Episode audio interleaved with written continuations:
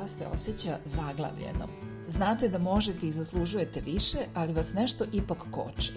Hajde da zajedno osvistimo koji su to načini razmišljanja i navike koje nas putavaju da napravimo korak dalje ka boljoj verziji sebe.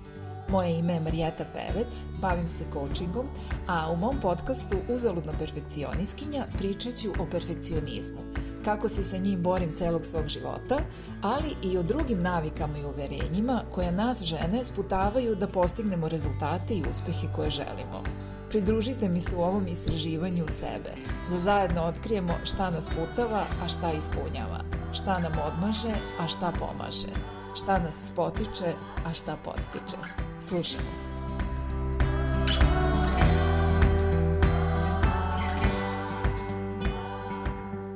Razmišljam ovih dana koliko zavisimo od pohvala i kritike drugih ljudi.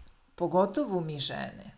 Čini se da je nama mnogo više stalo do toga šta drugi misle nego muškarcima. I to često i čujemo od njih, zar ne? Kako smo sujetne, strašno držimo do izgleda, ne sme niko ništa da nam kaže, odmah se uvredimo i tako dalje. Provodimo sate u kupatilu spremajući se, stalno gledamo videa o tome kako da se obučemo, našminkamo, doteramo, kako bismo bile još privlačnije, lepše i seksipilnije. Važno nam je šta ćemo da obučemo, važno nam je kako se ponašamo, važno nam je šta će drugi ne samo reći, nego i pomisliti o nama. I onda muškarci, a i mi zajedno sa njima, zaključimo kako smo, eto mi žene, sujetne, preosetljive, krhke. Da je to prosto deo ženske prirode. Međutim, priroda nema nikakve veze sa tim. Razlog zbog koga smo mi toliko usmerene na dobijanje potvrde sobstvene vrednosti s polja, a ne iznutra, što toliko zavisimo od tuđih pohvala ili kritika, je što je to kroz vekove postao naš jedini mehanizam odbrane. Setite se da do pre samo 80 godina mi nismo imale pravo glasa. Šta to znači? To ne znači da samo nismo imale pravo da biramo naše vođe.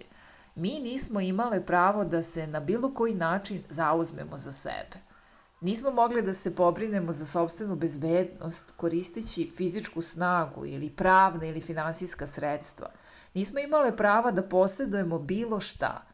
Imovina nije glasila na naše ime, nismo imale pravo da radimo i zarađujemo sobstveni dinar – Sve odluke o našim životima donosili su muškarci. Očevi, braća, muževi. U takvim okolnostima, koja sredstva su nama ostala na raspolaganju? Na koji način smo uopšte mogli da obezbedimo nekakvo zadovoljenje sobstvenih želja i potreba? Na koji način smo uopšte mogli da zaštitimo sebi i svoje interese? Da li smo uopšte imale prava na želje, potrebe i interese? Biti dopadljiva onima koji su imali svu moć postala je naša jedina strategija preživljavanja. Ako sam smerna, ako poštujem sva pravila, ako sam lepa, simpatična, dopadljiva, ako se potrudim da ispunim sve tvoje želje i potrebe, onda možda mogu da preživim. Onda možda mogu da imam bezbednost krova nad glavom, hrane u tanjiru, zaštitu od spoljnih opasnosti.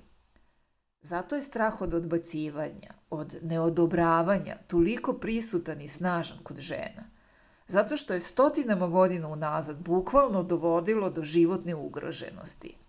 I dan danas ugrožava živote žena u nekim represivnim režimima i nasilnim porodičnim uslovima. Strah da će ostati neudata, očekivanje da se muškarac pobrine za nju i decu, briga o tome šta će selo da kaže – Obsesivno bavljenje svojim fizičkim izgledom nije odraz praznoglavosti ili površnosti i sujetnosti žena, nego je odraz generacijskog straha koji se uvuka u našu DNK, da je neispunjavanje društvenih očekivanja bukvalno ravno smrti. Zato mi toliko značaja dajemo tuđem mišljenju. Stalo nam je do odobrenja naših roditelja, profesora u školi, šefova na poslu, Njihove pohvale su velike ko kuća, a njihove kritike nas bukvalno šalju u očaj. Zato što podsesno mi strepimo da ćemo biti izopštene, prognane i nezaštićene. Na racionalnom nivou mi znamo da danas imamo mnogo veća prava, da možemo sebi da obezbedimo sve što nam je potrebno za udoban život. Ali mi još uvek u našoj porodičnoj, generacijskoj istoriji nemamo iskustvo potpune moći i kontrole nad samom sobom i svojim životima. Kako i da imamo kad u 21. veku društvo i dalje raspravlja da li da nam dozvoli potpunu kontrolu nad sobstvenim telom ili ne. Društvo kojim još uvek većinski vladaju muškarci smatra da može da određuje šta će da radi sa našim matericama. Da li je onda zaista toliko čudno što žene i dalje pribegavaju metodama dodvoravanja i manipulacije pre nego otvorenom suprotstavljanju i zauzimanju za sebe i svoja prava?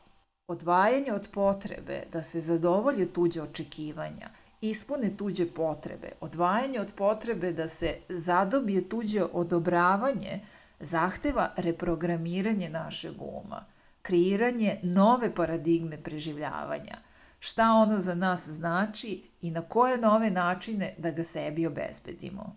A umeđu vremenu, nadam se da će vam ovo saznanje dati slobodu da budete malo blaže prema sebi da nežnije posmatrate svoje bore u ogledalu ili viša kilograma oko struka, da bolje razumete svoju anksioznost na poslu ili strah da ćete ostati same, da imate više empatije za sobstvene slabosti i da sebi date dozvolu da menjate svoju paradigmu preživljavanja sobstvenim tempom. Da je ok ako još uvijek niste spremne za neke radikalne promene, da je ok ako neke žene ne žele više da položu toliku važnost na lepu odeću, frizuru ili šminku, a vi želite da nastavite da uživate u tome.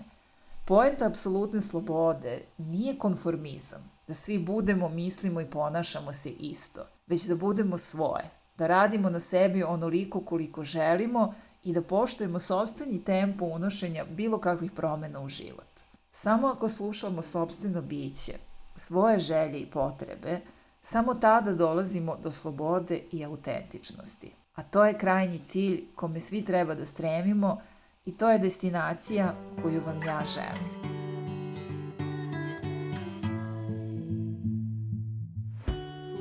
Podcast Uzaludna perfekcioniskinja. Hvala vam što ste tu, što delite sa mnom svoje vreme, probleme i iskustvo i što imate radoznalost i volju da radite na sebi.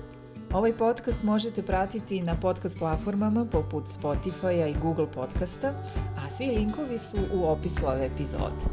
Ukoliko ne želite da propustite sledeću epizodu, možete me zapratiti na podcast platformi koju koristite. Pozdravljam vas do naredne epizode.